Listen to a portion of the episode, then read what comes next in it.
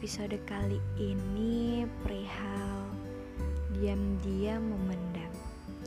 Oh iya, sebelumnya makasih ya buat kalian yang udah berkenan dengerin podcast gua yang kecil ini. Gua harap setiap cerita dari podcast ini bisa membawa kalian pada keteduhan. Hmm, diam-diam memendam.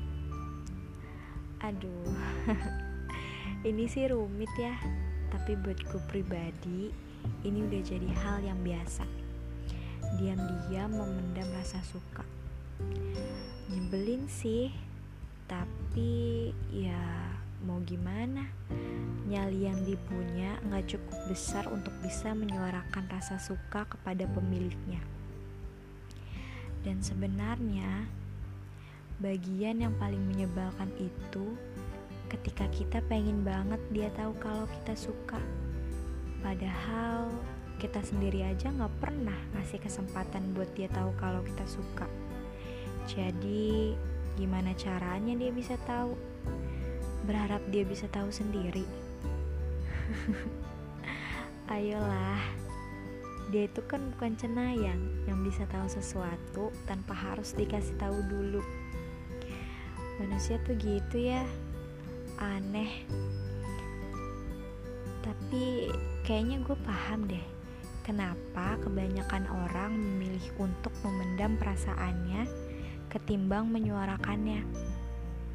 Apalagi buat seorang perempuan kayak gue kayak rasanya gak pantas aja gitu kalau perempuan yang nyatain duluan. Padahal nggak ada juga tuh aturan tentang perempuan dilarang nyatain perasaan duluan. Itu sih emang gengsinya aja ya yang terlalu besar. Tapi selain gengsi, ada juga alasan lain kenapa seorang lebih memilih untuk memendam perasaannya. Dan gua rasa alasan ini lebih banyak dipakai ketimbang dengan alasan gengsi tadi. Ya, Apalagi kalau bukan takut sama jawabannya nanti. Jawaban yang didapat setelah kita menyuarakan perasaan. Takut dianya nggak punya perasaan yang sama kayak kita.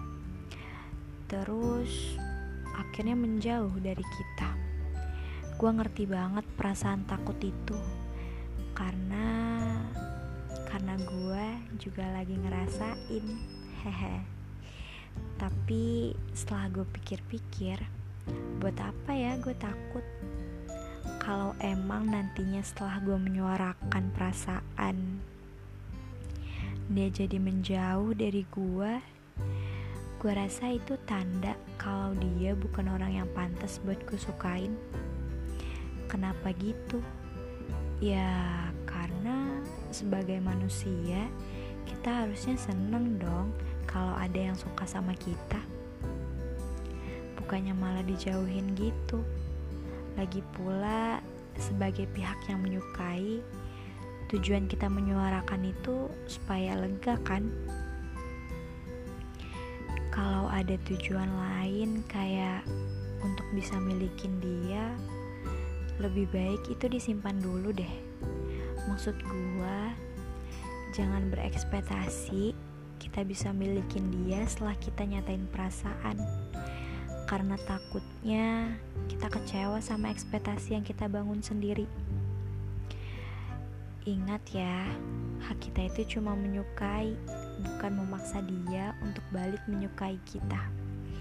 Jadi selama perasaan kita nggak mengganggu haknya dia ya nggak ada salahnya untuk disuarakan Gak peduli yang menyuarakan itu perempuan atau laki-laki. Yang terpenting adalah kita gak mengganggu hak yang dia punya